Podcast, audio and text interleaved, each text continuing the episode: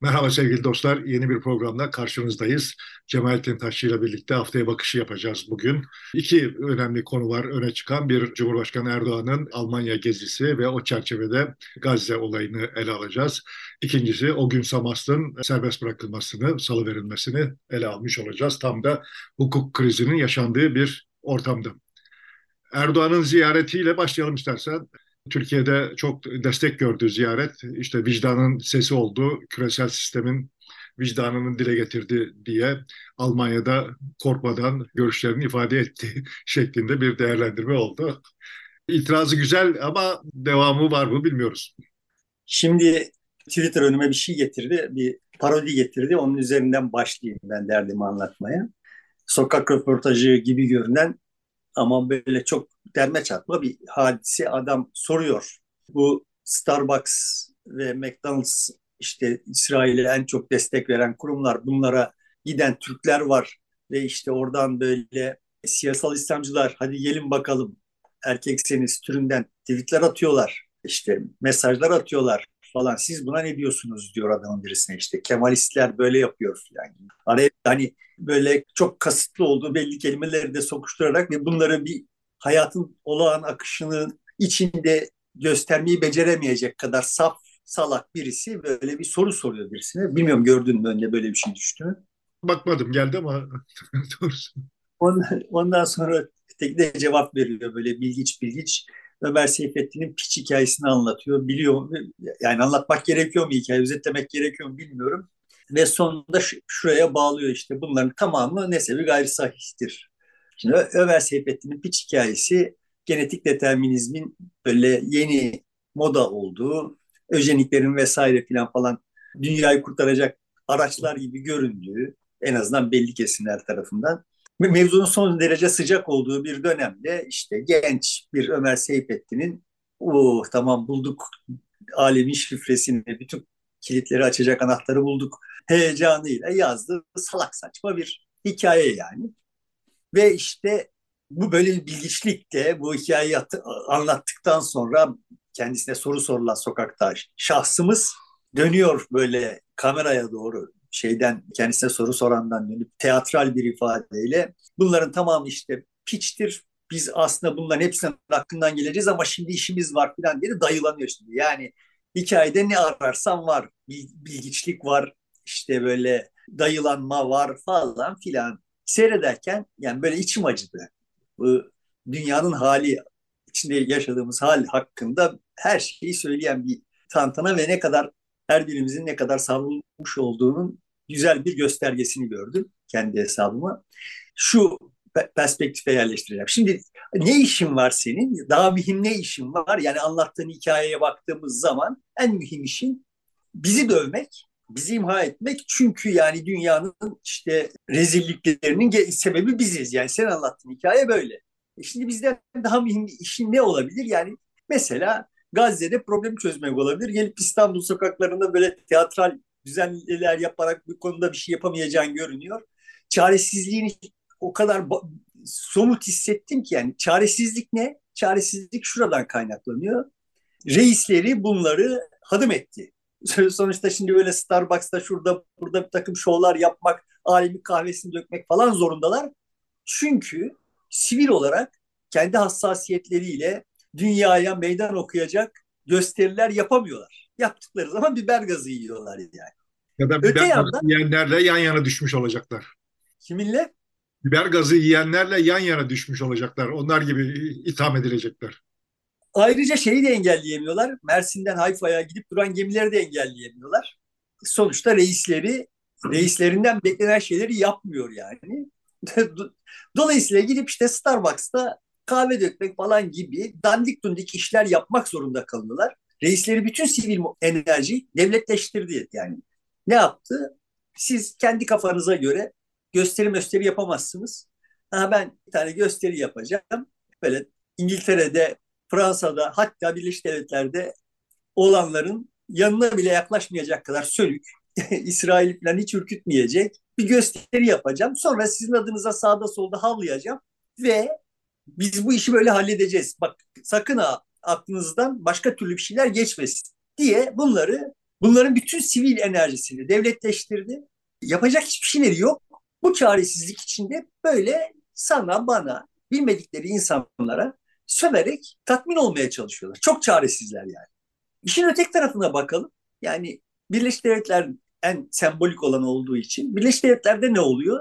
Yani oradaki çaresizlik bizimkilerin çaresizliği kadar büyük çaresizlik olur olmaz absürt absürt laflarla başkalarının sözünden daha akıllıca sözler söyleyerek falan değil artık. Başkalarını susturarak ve bu susturmayı hani sen işaret etmiştin yani Harvard öğrencilerin tarifi e, takip ediyorlar vesaire. Orayı da geçerek böyle çok kör gözün parmağına salak saçma işler yapmak zorunda kalıyorlar. Çünkü müdafaa edilebilir, herhangi bir şekilde müdafaa edilebilir bir şey yok ortada yani. Aldıkları pozisyon herhangi bir şekilde müdafaa edilebilir değil. Yani daha önce bu duruma düşmüş müydü Birleşik Devletler? Defaatle düştü yani. Yani bizim bildiğimiz Irak'a savaş açacağında düşmüştü. Ama o zaman bile yani iyi kötü bir kılıf uydurmuşlardı. Yalan yanlış bir rapor. İşte kimyasal silah var vesaire filan falan gibi salak saçma bir yalan olduğunu bildikleri bir rapor hazırlayıp kamuoyunun önüne koymak gibi bir, bir şey yapmak zorunda hissetmişlerdi kendilerini. Şimdi onu bile yapamıyorlar. Bir de o olaylarda belli bölgeyi ve belli kesimleri daha çok ilgilendiriyordu olaylar. Şimdi öyle değil. Bütün dünyada hemen her coğrafyada insanlar bu Filistin konusunda tepki gösteriyor. Ortak bir durum var, ortak bir çıkış var, karşı itiraz var. Ya alenen bir soykırıma şahitlik yapıyoruz. Yani. Bu, bu bir soykırım. Bütün tanımlarıyla bir soykırım ve sittin senedir tepemizde boza kaynattılar. Vay işte soykırım suçu işte şu şöyle yaptı da falan filan işte bak herkesi etiketlemek için, damgalamak için ve kendilerinden yani Batı medeniyetinin kendisinin ne kadar steril, te- temiz, işte ileri olduğunun işareti olarak soykırıma karşıtlık konusundan bir hikaye yazdılar ve şimdi gözümüzün önünde bir soykırım yapılıyor ve yekpare bir biçimde bütün devletler bu soykırımın yanındalar.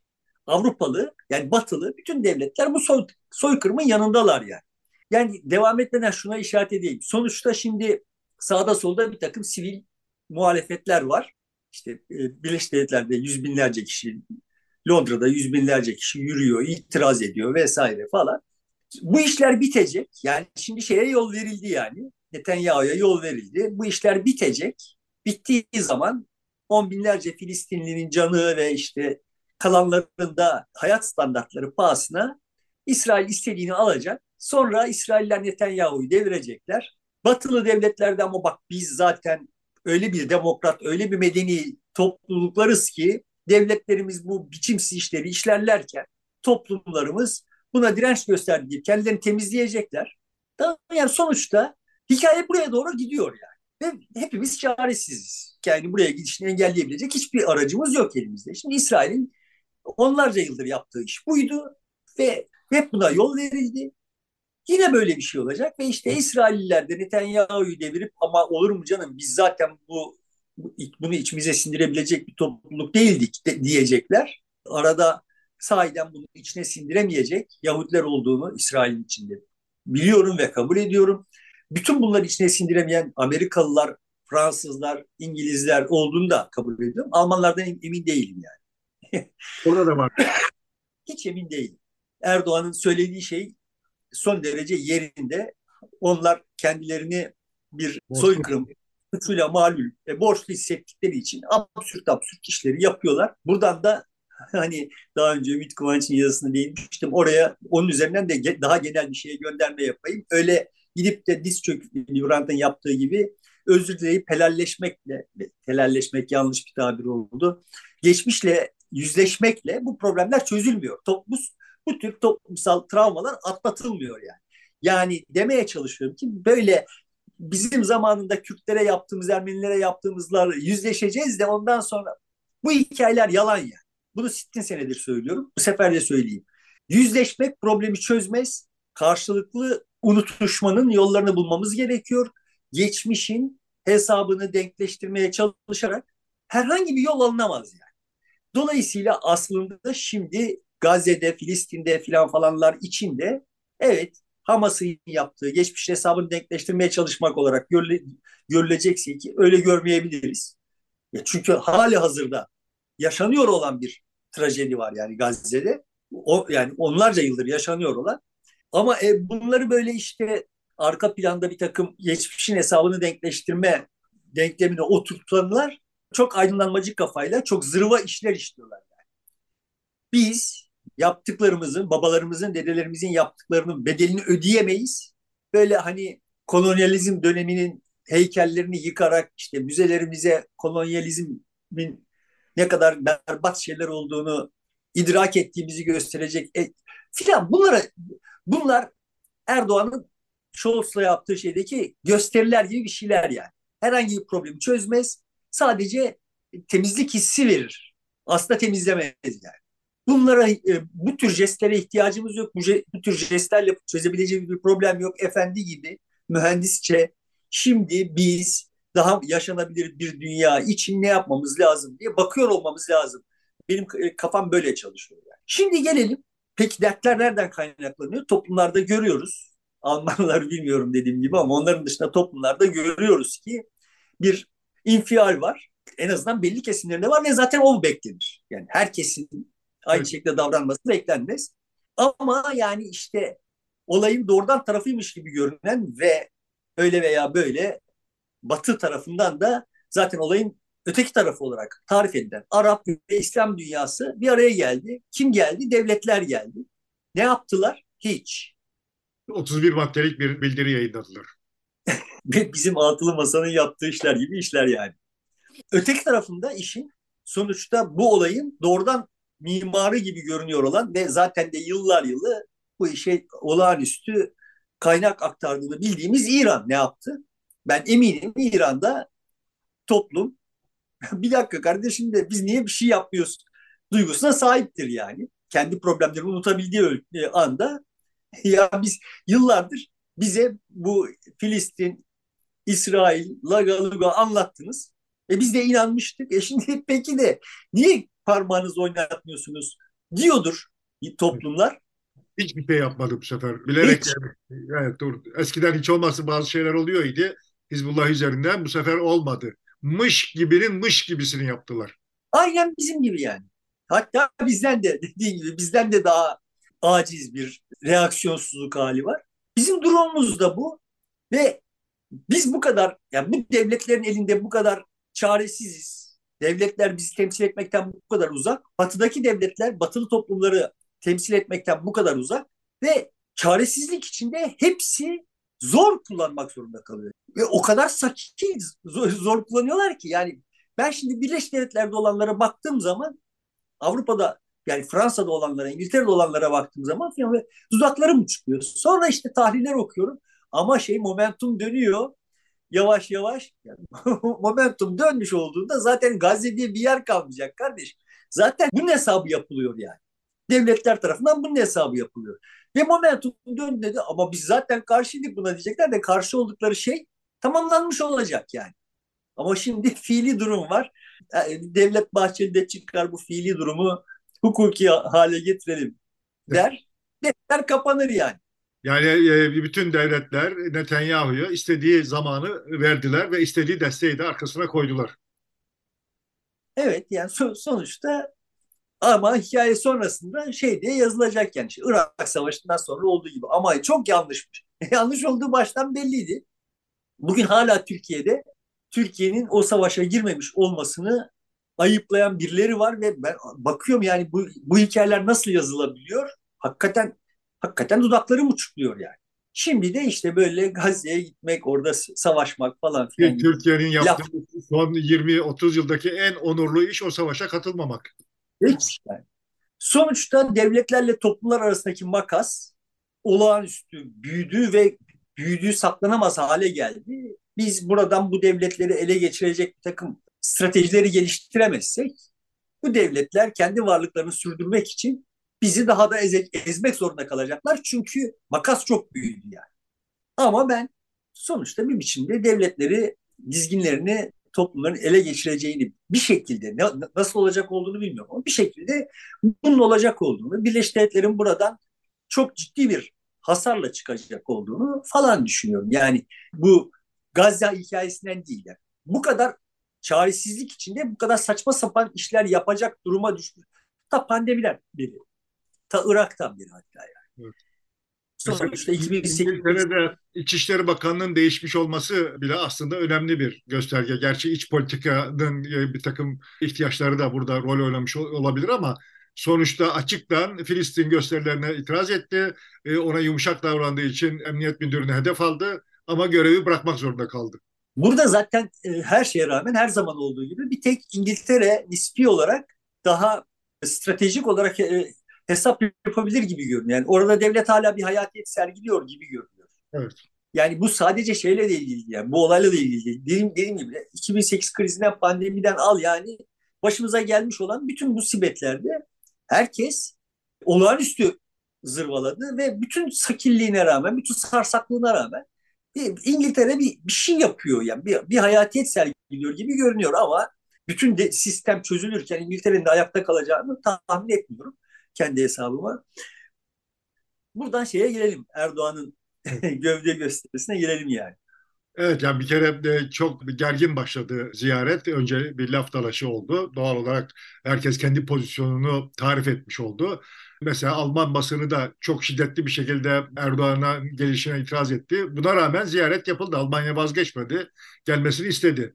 Belli ki bu görüşmeyi Almanya'da istiyor idi. Her ne kadar tartışmalı geçse de toplumun tepkisine yol açsa da Erdoğan'ın gidişi belli ki perde arkasında da bazı şeyler konuşuldu. İdare etmeleri gereken bazı başka şeyler var idi. Ama kamuoyuna Erdoğan işte o ben vicdanın sesi oldum. E, işte Almanlara haddini bildirdim. Sizin borcunuz var onun için itiraz etmiyorsunuz diyen çıkışını da yapmış oldu. İşte tamam yani jestler, gösteri her yerde sürüyor ama arka planda senin işaret ettiğin gibi sonuçta Alman kamuoyunun itirazlarının Alman devletinin tutumuna hiçbir etkisi olmuyor yani. Orada bir her türlü darbeyi emen bir amortisör var yani ortada. toplumda toplumlarda bir şeyler kaynıyor kaynıyor devletlerde hiçbir şey değişmiyor yani devletlerin tutumlarında hiçbir şey değişmiyor ve işte Erdoğan gelmesin kampanyaların arasında Erdoğan gitti. Erdoğan ve işte Scholz böyle bizim aklımızın ermeyeceği mühim işler olduğu gibi bir masalın etrafında yani neye akılların erdiğini bilmediğimiz adamlar işte kapalı kapıların arkasında bir şeylerin pazarlıklarını yaptılar. Anlaşılan işte bu F-16'dan içinde bir şey, galiba ümidimizi kestik. Eurofighter filan peşine düştük galiba. Orada şimdi beyefendi diyor ki savaş uçağı yapan sadece Almanya değil başkalarından da alırız. Ayrıca da biz zaten şey de yapıyoruz. Ya hakikaten insansız e, hava aracı da yapıyoruz. Yani. Hakikaten bu kadar bizi aptal yerine koymaları. Ya insansız hava aracı yapıyorsan ve o işi görüyorsan niye savaş uçağı peşine koşuyorsun? Bu yok canımızda, döviz krizimizde. Niye biz aleme kullanmayacağımız şeyler için para ödeyip duracağız kardeşim yani? Böyle alttan alta dayılanmalar hiç eksik değil yani. O en başta verdiğim şeydeki sokak röportajımsı şeydeki gibi yani. Oradan dayılanıyor şimdi yani ama yap, bütün yapabileceği gidip Starbucks'taki işte müşterilerin kahvelerini dökmek yani. Yani İsrail'e karşı yapabileceği bütün iş bundan ibaret. Bizi tehdit etmekten ibaret. Erdoğan da bunu yapıyor yani. Ve bu asıl yapılması gerekenin yerini tutsun istiyor. Asıl yapılması gereken olmuyor. Asıl yapılması gerekenin çözeceği problem çözülmüş olmuyor. Gazze'liler biner biner ölüyorlar. Çocuklar ölüyorlar. Hastane, hastanelerdeki hastalar ölüyorlar. Ama yani ne oldu? Vay sizin kuyruk acınız var bizim yok. E, bizim kuyruk acımız yok da peki ama sonuçta bu Gazze'lilerin derdine derman oluyor mu? Ya bizim bak Gazze'lilerin derdi diye bir şey var ve problemimiz bu bizim yani. Senin sidik yarışı değil ki. Kanserli çocukların tedavisi için ya devreye gelip onları getirmeye çalışıyoruz şu anda. Yani işte ölmemiş olanları sonunda 3-5 tanesini de getiririz ayrıca filan. Yani o bak Birleşmiş Milletler şunu yapmış, bu bunu yapmış. Türkiye'de şunu yapmış falan olur. Hatta onların masraflarını da Amerika karşılar falan yani. Ama yani iş bitmiş olacak yani. Buradan yine mühendis tarafında yani daha önce söylemiştim. Bu Filistin davası kaybedilmiş bir dava benim açımdan. Bu Filistin davası daha önce de kaybedilmiş bir davaydı ama İran'ın İsrail ile itişmesinde bir nasıl diyeyim kaldıraç olarak kullanması yüzünden Filistinliler çekebilecek yani çekmeyebilecekleri acıları da çekmek zorunda kaldılar diye bakıyorum genel olarak yani. Yani İran'ın iç politikaları bunu gerektirdiği için nasıl şimdi Ukraynalılar Batı'nın menfaati için telef oluyorlarsa Filistinliler de İran'ın menfaati için telef ola geldiler diye düşünüyorum. Yani zaten telef oldular da ama bu telefat da, çok daha acılı oldu diye düşünüyorum. Ve devletler bunları işte büyük ulvi hikayeler vesairelerle falan paketleyip satabiliyorlardı. İran'da böyle satıyordu kendi iç kamuoyuna. Ama şimdi görünen tablo işte işaret etmeye çalıştığım şey o yani. Şimdi görünen tablo paketlenemiyor bile. Yani bütün pis kokularıyla ortada bunlar. Devletler bu kadar aciz duruma düştüler. Yani. Ve bütün bu hikayenin müelliflerinden olan İran'dan da ses çıkmıyor.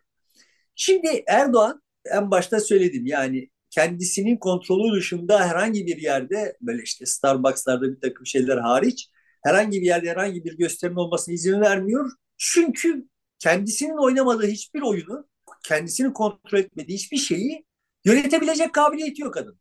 Hep böyleydi yani. Başına bir şey geldiği zaman eğer o kendisini tasarladığı bir şey, kendisini kontrol ettiği bir şey değilse taca çıkıyordu.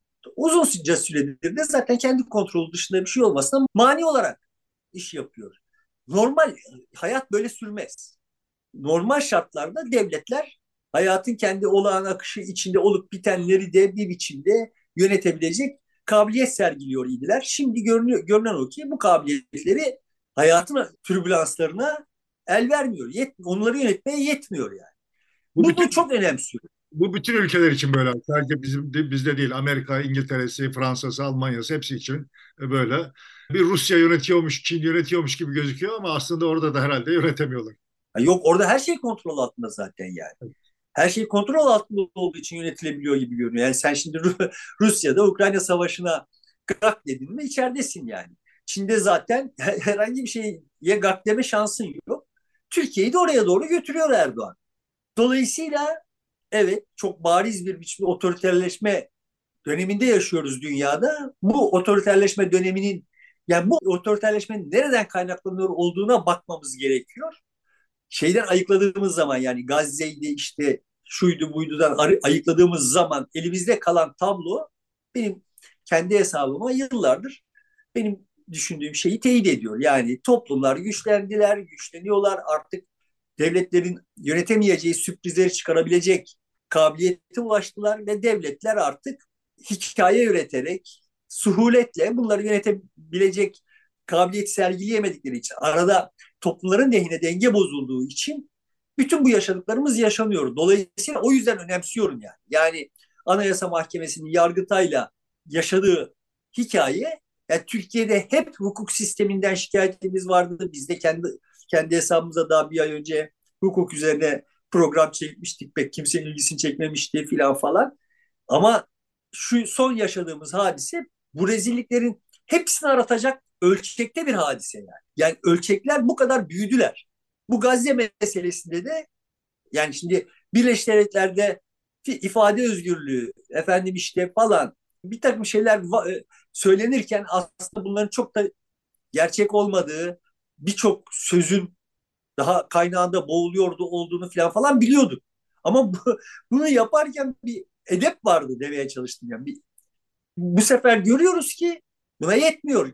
Yani iki büyük olay bize şunu gösterdi. Pandemi ve bu Gazze saldırısı. Devletler ikisinde de çaresiz. Sorunu çözemediler. İşte bir takım yasaklar getirmekle, bir takım e, zorlukları e, öne çıkartmakla e, yetindiler o kadar. Yani iflas ettiğini, bu iş sistemin yürümediğini gösterdi bize. iki olayda çok yakın olarak bütün dünyayı ilgilendirecek şekilde hem de. Evet yani sonuçta bu trendi işte otoriterleşiyoruz diye okumak mümkün. Ben öteki türlü okumayı tercih ediyorum. Otoriterleşiyor devletler çünkü yönetemiyorlar yani. Yönetemedikleri için zor kullanmak zorunda kalıyorlar. Ama bu toplumlara artık bu zor çok uzun süreyle dayatılamaz diye varsayıyorum. Belki de yanılıyorumdur bilmiyorum yani. Ama zannım o ki orasından burasına pat, dikişleri patlayan bu elbise tedaviden kalkacak. Ben böyle düşünüyorum yani. Dolayısıyla bu hikaye, bu tür olayların da böyle hani kendi tekil çerçeveleri içine değil daha böyle geniş bir perspektifin içine içine yerleştirerek okunmasının yanındayım. Ben de kendi hesabımı öyle yapmaya çalışıyorum.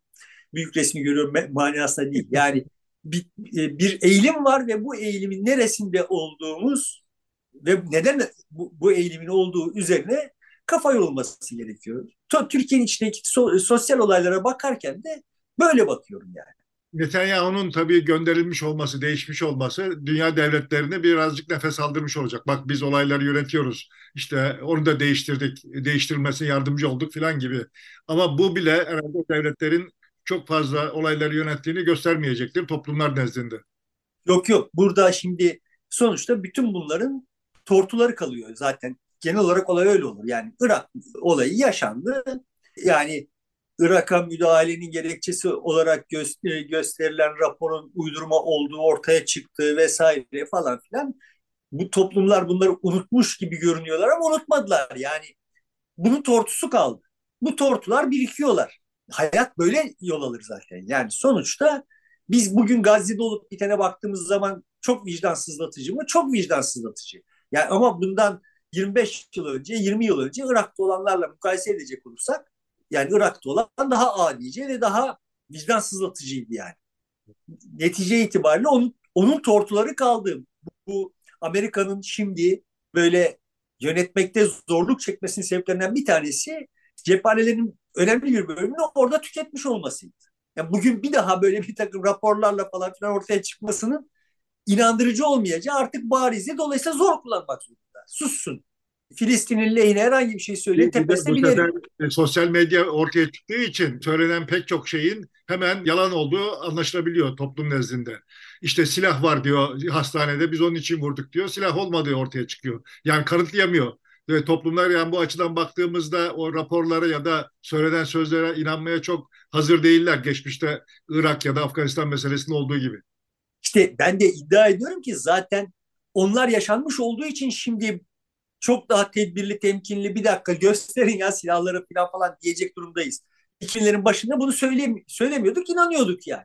Biz de bu süreçte güç kazandık işte. Yani güç budur. bir dakika siz bize yalan söylemiştiniz. Şimdi size inanmıyoruz deme durumuna gelmiş olmak da güç kazanmaktır yani. Hani o zaman da bu raporların güvenilir olmadığını düşünen insanlar vardı. Yani biz bunlar da onlardandık filan. Ama yığınlar itibariyle ya, olur mu canım yani böyle bir rapor olmasa devletlerde filan diyebiliyor idi. Şimdi artık geniş yığınlar. ne diyorsunuz siz kardeşim ya? Hani Şifa Hastanesi'nin altındaki şeyleri gösterin bakalım. Diyorlar yani ve oradan da birisi çıkıyor diyor ki yani İsrailler Şifa Hastanesi'nin altında ne olduğunu biliyorlar çünkü kendileri yaptılar diyor yani. Gazze şey, e, kontrolleri altındayken kendileri yaptıkları için biliyorlar diyor filan. Dolayısıyla evet e, ortada çok ciddi bir eğilim var. Bu eğilimi görürsek, anlarsak onu yönetmekte de başımızın daha az derde girmesinde de etkili olabilir gibi bir ümidim var ama çok da hassas olmayabilir bu olay. Bu eğilim kendi şeyiyle devam edecek. Şimdi şuna da bağlayayım. Sonuçta ben bir dönem, yani ben çok uzun süredir böyle bir tarihi yırtılma döneminde yaşıyor olduğumuzu düşünüyorum. Bunu yazıyorum, çiziyorum, söylüyorum vesaire. Muhtelif olayları bu bakış açısıyla okuyorum ve bir dönem dünyanın tırnak içinde şehirlilerinin yani geçen programdaki tabirimle söyleyeyim ön sıralarda büyümüş, sınıfların ön sıralarında büyümüş olanların akıllarını başlarına toplayacakları ve kendi imtiyazlarını paylaşmaya yanaşacakları dolayısıyla daha suhuletle buradan devletleri gerileterek ve daha geniş yığınları absorbe ederek bu maniayı aşabileceğimizi hayal ettim, ümit ettim. Bunu yazdım, çizdim. Sonra gördüm ki şehirlerin böyle bir projeksiyonu yok. Yani onlar dünyanın daha iyi olması için filan falan bir kafa yoruyor değiller. Kendi imtiyazlarının ön sıralarda büyümüş olmakla kazanmış oldukları imtiyazların sürmesi derdideler. Dolayısıyla bütün dünyada olay böyle yani. Dünyanın başka yerlerinde olay Birleşik Devletler'de olay başka türlü olsa Türkiye'dekiler bir süre sonra aa filan derler. Ama bütün dünyada olay böyle ve bunun böyle süreceğine kanaat getirdiğim andan itibaren de ön sıralardakilerin dayak yiyeceğini, arka sıralardaki, sıralardakilerin gelip bizi döveceğini söylüyorum. Bu bunların bir, tar bir tarafını tutuyor, o bir tarafın değer, değerlerini tutuyor olmakla falan filan alakalı. Çünkü zaten olay değerler mücadelesi değil. Olay imtiyaz mücadelesi yani. Şimdi bu imtiyazları koruyamayacaksınız diyor ama ötekilere de bir şey söyleyin diyor izleyicilerim. Yani niye söyleyeyim kardeşim ötekilere bir şey? Yani ötekiler gelecekte senin değerlerin değer değil, onların değerleri de değer değil. Zaten sonuçta Kılıçdaroğlu'na vurduğum kadar Erdoğan'a da vuruyorum yani. Daha, hatta daha çok vuruyorum. Sonuçta siz olayı böyle ama onlara da dediğiniz sürece de onlar gelip bizi dövecekler. yani onlar dediklerinizi değerleriyle efendim orada yaptıkları zırvalıklarla falan uğraşacağınıza nasıl bir savaş içinde olduğumuza bakarsanız belki daha az kan dökülerek bu işte atlatabiliriz. Derdim bu yani. Kimin kazanacağını söylüyorum kendi hesabıma. O kazanacak olanları haklı buluyor vesaire falan değilim yani. Düz dünyacılarla uğraşıp ne yapacaksınız yani? Hani düz dünyacılar onlar yani. Kaç tanesi düz dünyacı yani? İstersen buradan o gün Samast'ın salı verilmesine geçelim. Hrant öldürülmesinden sonra tutuklanmış, mahkum edilmişti. Tutuklanması da bir ayrı bir tartışmaya yol açmıştı ama şimdi e, tahliye edildi. E, ömür boyu hapse mahkum olmuş olmasına rağmen bu da tabii büyük tepkilere yol açtı. Adaletin bir kez daha tartışılmasına yol açtı. Yani ortadaki hikayeye bakacak olursak tablo şöyle bir şey yani. Devletimiz orada gazetecilere işte siyasetçilere göstermediği merhameti bir katile Hrant Dink'in katiline gösterdi. Vay ne kadar da acayip işler yapıyormuş devletimiz yani. Ay ne kadar ayıp şeyler yapıyormuş. Yani hakikaten aynı ülkede mi yaşıyoruz? Bazen böyle dumura uğruyorum. Aslında demin söylediğim şeyleri bağlamak için çok şık bir mevzu bu tahliye ve arkasında gösterilen reaksiyonlar tekrarlayayım parantez içinde. Ben Gazze'de olup bitenlere değil buna gösterilen reaksiyonlara, muhtelif özneleri gösterdiği reaksiyonlara filan bakarak bir dünya okuması yapmaya çalışıyorum. Şimdi burada da tablo böyle bir şey. Şimdi Hrant Dink cinayeti devletin dört başı mamur bir operasyonuydu. Yani devlet yargısıyla, şusuyla, busuyla zemini hazırladı. Anlatırken, özetlerken bile insanın midesini bulandıracak işleri yaptı. Ve o zamanlar bütün bunları daha maharetle yapabilecek bir devletimiz, de, devletler vardı. Bizim devletimiz de öyleydi yani. İşaret etmeye çalıştığım husus bu benim. Cinayet işin kolay tarafı devlet için. İşin daha marifet gerektiren tarafı şuydu yani. Cinayeti öyle paketledi ki işte bir yandan Sabiha Gökçen Atatürk'ün manevi kızı, bir taraftan işte Türkçülük vesaire ve geniş bir payda yaratıp cinayetin üzerine gidilmesine mani olacak geniş bir payda yaratıp kendisini bu işteki dahlini soruşturulur hale getirmekten çıkardı. Memleketi ikiye böldü ve Atatürkçüler de tırnak içinde bir dakika yani ne yapıyorsunuz siz demediler. Atatürkçüler derken Atatürkçüleri kastediyorum. Yoksa hani genel CHP kamuoyu, CHP oy veren seçmenin geniş kesimi, başka partilere oy veren geniş kesimler falan falan ötek tarafta kaldılar. Ama burada böyle geniş ve enerjik bir payda inşa edildi. Devlet bunu inşa etti. Bunu inşa ederken işte o gün Samast'ın beyaz beresinden tribünlerde dağıtarak falan filan çok maharet gerektiren bir halkla ilişkiler işi yürüttü. Öyle değil mi? O, o dönem evet. Öyle bir...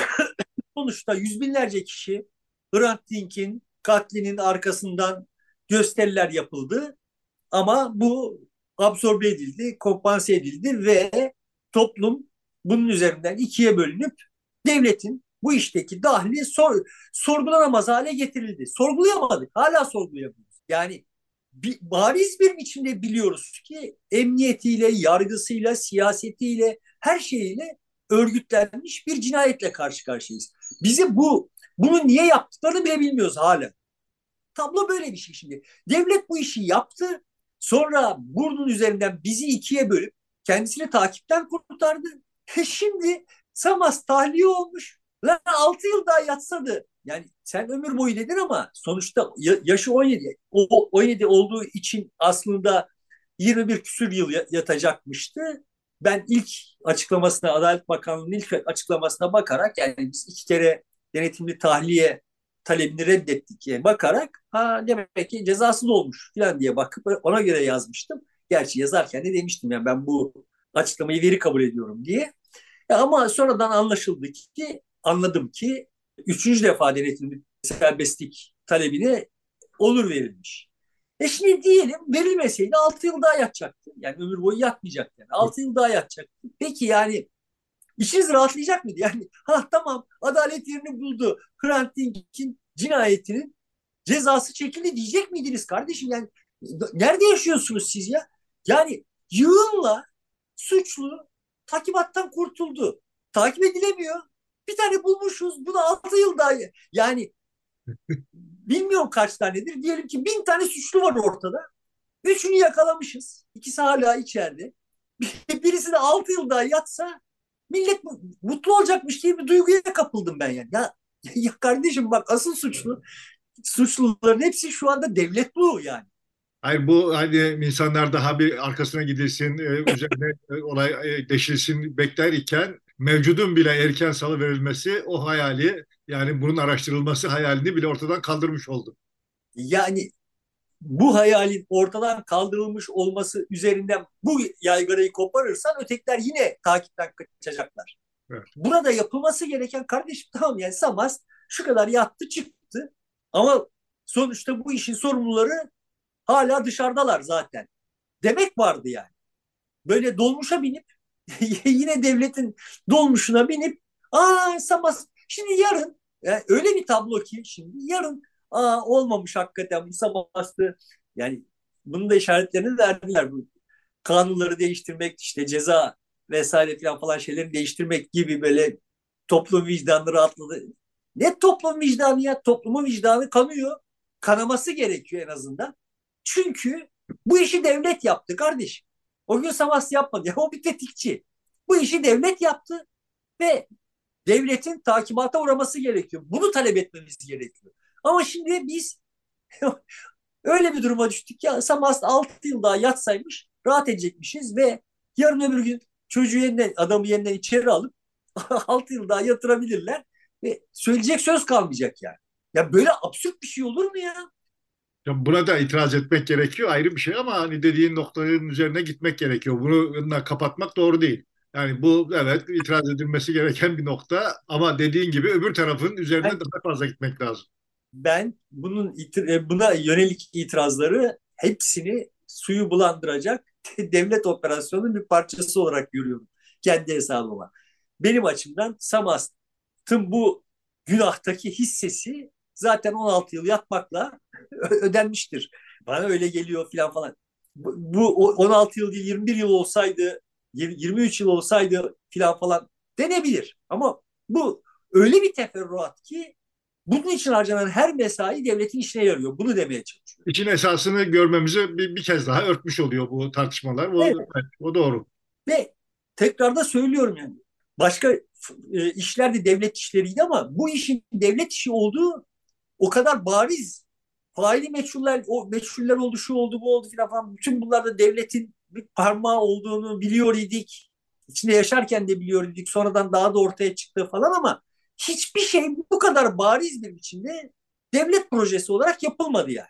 Kahramanmaraş vesaire filan falan hadiselerin daha eskilerdi. Devletin kotardığını biliyor idik. ipuçları vardı falan ama hiçbir şey bu kadar daha yaşandığı sırada devletin kotardığı bir şey olarak görünmüyor idi. Ve biz bunun hesabını soramadık. Hala soramıyoruz yani.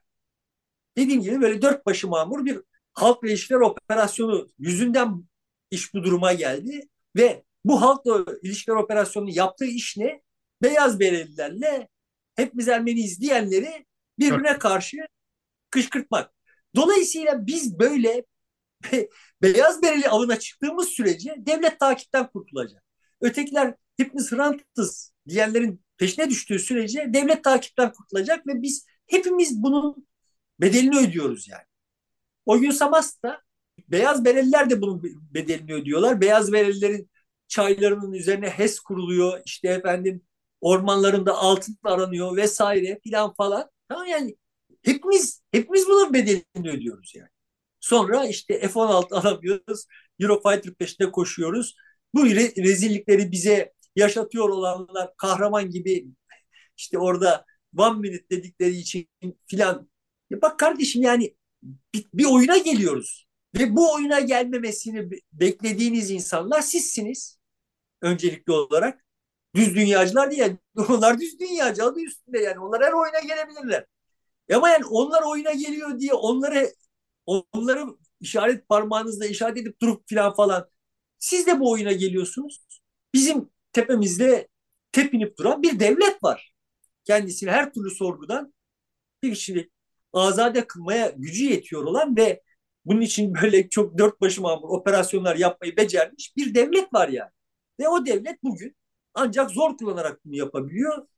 Ama devletin böyle fütursuzca iş yapabilmesini sağlamasının sebeplerinden bir tanesi de sizin işte orada filanca cahili, burada falanca gavsçıyı falan böyle durmadan bunlarla uğraşıyor olmanız yani. Şunu söyleyeyim yani en baştaki sokak röportajında şey yapmıştım. Şimdi işte soruyor Beyzade öyle şeylerde Starbucks'larda oturmuşlar tweet atıyorlar İslamcılar gelsenize filan diye diyor. Böyleleri var mıdır bilmiyorum. Yani ben hiç görmedim. Buna dair hiçbir işaret almadım. Yani Starbucks'a gidip de İslamcılar gelin hadi bakalım diyen var mıdır? Diyelim var. Kaç kişidirler? Starbucks'larda hala bir kere yolum düştü Starbucks'a bir randevu rahmetli bir arkadaşım bana randevuyu Starbucks'ta verdiği için ben kahve içmem yani. Starbucks'a alıp veremediğim olduğundan değil. Bir de yani sonuçta bu tür zincirlerdeki standartların çok cazip şeyler olmadığını düşünüyorum yani. O yüzden zincirleri çok sevmem. Kahve içeceksem, içecek olsam yani sıradan bir kahvecideki sürprizleri daha tercihe şayan bulurum filan da. Ama bildiğim kadarıyla hala insanlar Starbucks'ları dolduruyorlar. Şimdi bunlar arasından diyelim ki 30 kişi muhtelif Starbucks'lardan bu tür tweetler attı. Ya o Starbucks'lara gidenleri tamamını böyle bir şeye e, kategorizasyona sokabilir miyiz? Sokamayız. Ya aynı şey diğerler için de geçerli kardeşim ya. Orada ya, dün kızımla Üsküdar'da işte bir köfte yedik. Çıktık. Sahile doğru değil de yukarıya doğru yürüyelim dedik. Çok kalabalıktı. Yani mekan, bütün sokak Mumcular Caddesi galiba yani. Evet, evet. Bütün cadde iki tarafı şey, kafeler. Dedim ki hani Eskişehirli olduğumuz için sanki bar, barlar sokağı, ilk içkisiz barlar sokağı yani. yani bütün gençler, ağırlıklı olarak başörtülü kızlar ve de, e, erkek arkadaşları işte orada hayatlarını yaşıyorlar. Kardeşim sizin zannettiğiniz gibi yaşamıyor o gazçılar diye etiketledikleriniz. O kalabalığın içinde binde bir yani. Sıradan sizin gibi yaşayan, sen sadece sizden farklı mekanlarda yaşayan sizin akranınız insanlar bunlar yani.